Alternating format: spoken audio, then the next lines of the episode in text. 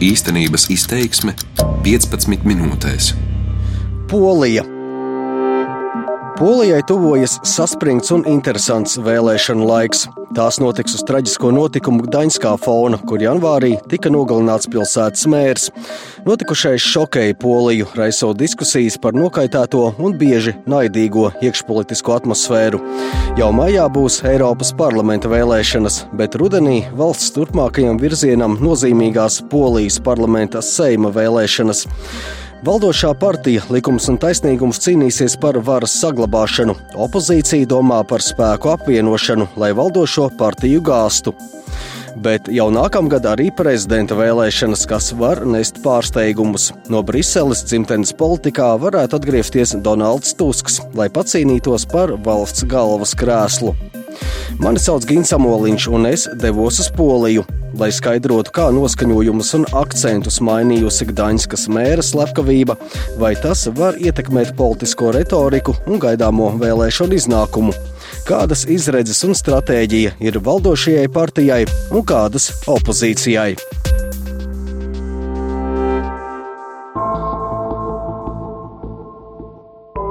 Polija šokēja pirms trim nedēļām notikusī Daņskas mēra Pāvela Adamoviča slepkavība. Kāds vīrietis, 53 gadus veco Baltijas jūras piekrastes ostas pilsētas mēru, vairākas reizes sadūra uz skatuves labdarības koncerta laikā visu acu priekšā.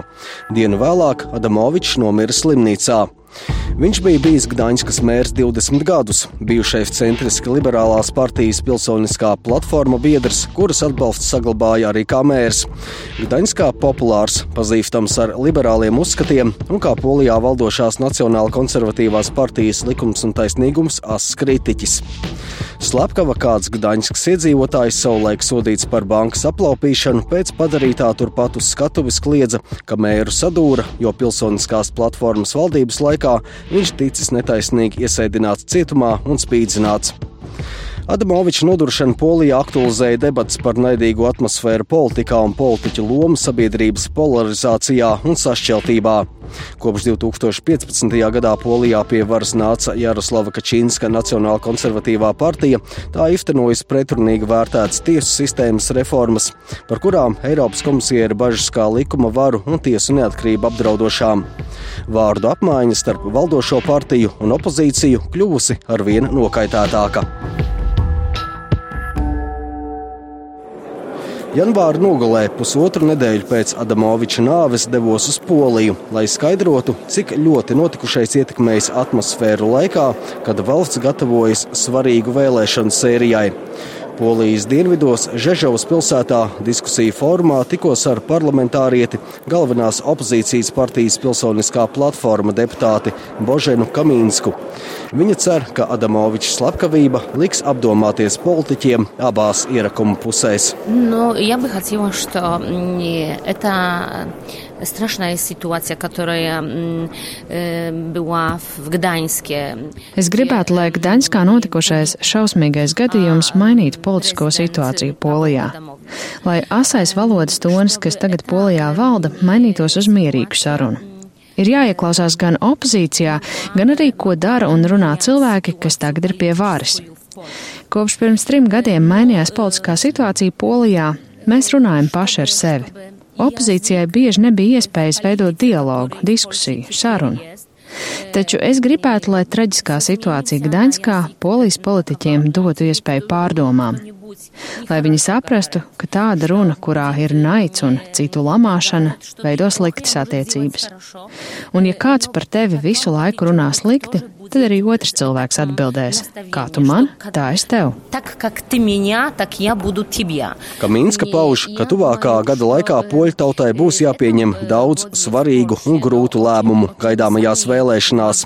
Maijā Eiropas parlamenta vēlēšanas, tad rudenī, nevēlākā novembrī, Polijas parlamenta seima vēlēšanas, kur konservatīvo valdība cer saglabāt varu, bet opozīcija to gāst. Bet nākamgad prezidenta vēlēšanas имеют такие поравнания. Poļu tautai ir pārdomas par to, kā bija vakar, kā ir šodien un kā vajadzētu būt rīt. Par tādām lietām kā demokrātija, būšana Eiropas Savienībā un NATO, Tās ir svarīgas lietas, lai Polija citām valstīm būtu nopietns partneris. Vairākums politiķu no visa politiskā spektra aicinājuši saglabāt mieru un atturēties no Adamoviča slepkavības politizācijas, taču šķiet spriedze pierima vienus brīdi. Laikraksta Gazieta Pravna žurnālists Mihāls Patockis norāda, ka vairākums politiķu no abām barikāžu pusēm gribētu, lai situācija norimst, taču skeptiski piebilst, ka tas ir pret politikas dabu, īpaši pirms gaidāmā vēlēšanu cikla. Polijā konflikta veidošana vienmēr palīdz iegūt vairāk balsu, tāpēc baidos, ka diemžēl pēc Gdaņskas mēra nāves paliks tikai sliktāk. Mēs redzam pirmās pazīmes, ka konflikts jau samilst. No abām barikādas pusēm viņi saka, tā ir tava vaina. Nē, tā ir tava vaina, ka viņi nogalināja.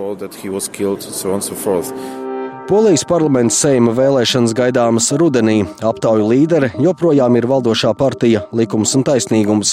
Pat laban tā bauda gandrīz 40% atbalstu. Galvenā opozīcijas partija Pilsoniskā platforma joprojām iepaliek, un atbalsts tai svārstās ap 25%. Pārējo partiju reitings ir zem 10% atzīmes. Taču opozīcijas partijas domā par apvienošanos uz vēlēšanām, lai mēģinātu gāzt valdošo partiju. Aizvadītajā nedēļas nogalē ievērību izpelnījās jaunas partijas dibināšana ar nosaukumu Pavasaris. Tās līderis Roberts Bedrons, pirmais atklāti homoseksuālais mērs Polijā, šajā amatā viņu 2014. gadā ievēlēja Ziemeļpilsētas Slupskas iedzīvotāji. Iepriekš 2011. gadā Bedronu ievēlēja Polijas parlamentā, viņam kļūstot par šīs valsts pirmo atklāti homoseksuālo deputātu. Bedrons ar savu partiju sola progresīvu alternatīvu abām valdošajām partijām. Vai un kā Gdaņskā notikušais ietekmēs gaidāmās vēlēšanas, pagaidām grūti prognozēt, norāda poļu žurnālists Potockis. Runājot par opozīcijas partijām, svarīgs jautājums, vai tās spēs vai nespēs apvienoties. Patockis saka, ka Eiropas parlamenta vēlēšanu kampaņa koncentrēsies uz Eiropas jautājumiem, bet rudenī uz Seima vēlēšanām iekšlietām. Žurnālists arī atzīmē, ka pēdējos mēnešos valdošās Nacionāla konservatīvo partijas popularitāte kļuvusi nedaudz vājāka. Patotskis skaidro iespējamos iemeslus. More and more Pirmkārt, ar vien vairāk poļu bažīs par konflikta apmēriem, kas sasniegti. Viņi ir noguruši no apsūdzībām un propagandas apjoma, kas nāk no abām konflikta pusēm. Otrakārt, valdošās partijas amatpersonas kļūst augstprātīgāks. Ir vairāk skandālu, kāds kļūst bagātāks pateicoties sakariem. Cilvēki to redz un domā, ka visam taču vajadzēja būt citādi, jo valdošā partija solīja, ka būs citādi, ka mainīs politiku un politisko ētiku. Tad ir arī sociālās atbalsta programma programmas, kas ir likums un taisnīgums partijas lielākais panākums. Jā, tās strādā un bija veiksmīgas, bet cilvēki pie tām pierod. But, uh, Tas, ka cilvēki jau pierod pie konservatīvo valdības sniegtajiem sociālajiem labumiem, nozīmē, ka uz nākamajām vēlēšanām jādomā par jauniem piedāvājumiem. Un partijas likums un taisnīgums parlamenta deputāts Vojčeks Butzaks ir pārliecināts par vēl vienu valdošās partijas uzvaru. Jestem przekonany, że te wybory będą wygrane przez Prawo i Sprawiedliwość. Esmu pārliecināts, ka mēs, partija Likums un Taisnīgums, uzvarēsim šajās vēlēšanās, pateicoties tam, ko esam izdarījuši pēdējos trīs gados. Esam īstenojuši savus solījumus, sociālā atbalsta programmas, arī nodrošinājuši efektīvu valdības darbu budžeta ieņēmumu ziņā valsts drošības aizsardzības izdevumu nodrošināšanai. Gaidāmo vēlēšanu programmā viens no uzsvariem ir uz algu paaugstināšanu, lai ātrāk sasniegtu citu Eiropas valstu līmeni. Partijas likums un taisnīgums vēlēšanu programma būs draudzīga poļiem. Polakom, mieszkańcom. Savukārt galvenā opozīcijas spēka partijas pilsoniskā platforma deputāts Mārčins Švinčickis tic, ka vairākām opozīcijas partijām ir iespējams apvienot spēkus, lai svaru kausus nosvērtu par labu sev. Opposition should unite Opozīcijai vajadzētu apvienoties, pat ja mums ir atšķirīgi skatījumi par atsevišķiem sociālajiem un ekonomikas jautājumiem. Opozīcija var apvienoties balstoties uz likuma varu, balstoties uz pro-eiropeiskumu, lai mūsu institūcijās aizsargātu eiropeiskās vērtības. Jo valdošā partija iznīcina institūcijas. Tā ved uz autoritārismu, uz vienu politisko centru, kas vada visu - tiesu sistēmu, sabiedriskos medijus. Bet valdošās partijas deputāts Vojčeks Budzaks oponē un opozīcijas pārmetumus noraida. Oskarżenia są bezpodstawne. Reforma sądownictwa była i jest konieczna. Apsūdzībām nav pamata. Tiesu sistēma bija un ir jāreformē. To sagaida 80% sabiedrības. Mēs to esam apsolījuši un turpināsim īstenot. Tā nekādā veidā nepārkāpj konstitūciju vai tiesības vai Eiropas standartus. Opozīcija protestē par šo un citiem jautājumiem, jo opozīcijai tas ir kā degviela. Tagad tā ceļ jēzgu ap meža cūku izšaušanu, kas ir nepieciešama un ko atbalstījusi arī Eiropas komisija. Opozīcija izmanto katru situāciju, lai radītu nemieru. Īsa atkāpe. Polijā plašs skandāls šoziem izcēlās, kad valdība deva rīkojumu izšaut lielāko daļu meža cūku populācijas, lai no Āfrikas cūku mēra pasargātu fermas un gaļas ražošanas nozari. Pret plānu kā pārmērīgi protestēja gan vides aizstāvji, gan mednieku aprindās, taču Brisele norādīja, ka Varšavas plāniem neiebilst.